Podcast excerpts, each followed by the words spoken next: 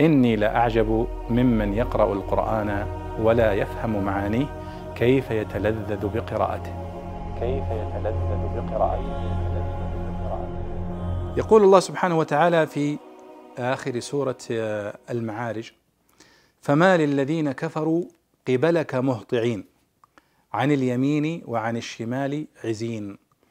كلمة مهطعين وكلمة عزين تعتبر من الغريب. فما للذين كفروا قبلك مهطعين. المهطع هو المسرع الذي يمد عنقه ويسرع. في فيقال جمل مهطع إذا كان يمد عنقه ويسرع في المشي. والرجل أيضا إذا كان يمد عنقه ويعني وهو ينظر إلى الأسفل فيقال أنه أهطع ومهطع. هذا معنى مهطعين. فمعنى الآية فما لماذا هؤلاء الذين كفروا يتوجهون إليك وهم مهطعين رؤوسهم وخافضي رؤوسهم ويتجمعون حولك عن اليمين وعن الشمال عزين؟ عزين هنا معناها أنهم يتجمعون حولك متحلقين في حلق. أيطمع كل امرئ منهم أن يدخل جنة نعيم؟ إلى آخر الآيات. فإذا مهطعين أي يمدون رؤوسهم ويخفضونها. ومعنى عن اليمين وعن الشمال عزين؟ عزين هي جمع عزة. عزة هم العصبة والجماعة المجتمعين الذين يعتزي بعضهم ببعض. ومنه الكلام الناس اليوم إذا قالوا فلان عزوة يعني يعتزي الناس به.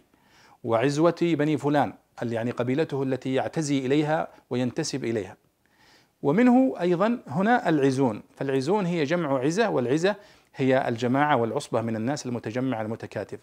فهم العزون هم حلق الرفاق الذين يتجمعون حول الرجل أو يتجمعون حول الخطيب أو يتجمعون هنا حول النبي صلى الله عليه وسلم. وأذكر أن ابن عباس جاءه نافع بن الأزرق وسأله عن هذه الآية. قال ما معنى قوله تعالى عن اليمين وعن الشمال عزين؟ قال أي متحلقين. قال هل تعرف العرب ذلك؟ قال نعم. أما سمعت قول عبيد بن الأبرص آه، الشاعر من بني أسد وجاءوا يهرعون إليه حتى يكونوا حول منبره عزينا. يعني جاءوا مسرعين إليه حتى يتحلقوا حول منبره وهو يخطب محبة لسماع كلامه ولخطبته لأنه شيخهم وسيدهم. اذا عن اليمين وعن الشمال عزين، عزين أي متحلقين. جمع عزة وهي العصبة المتجمعة من الناس. مثل ثبة ثبة وثبين. عزة وعزين كلها بمعنى واحد. والله أعلم.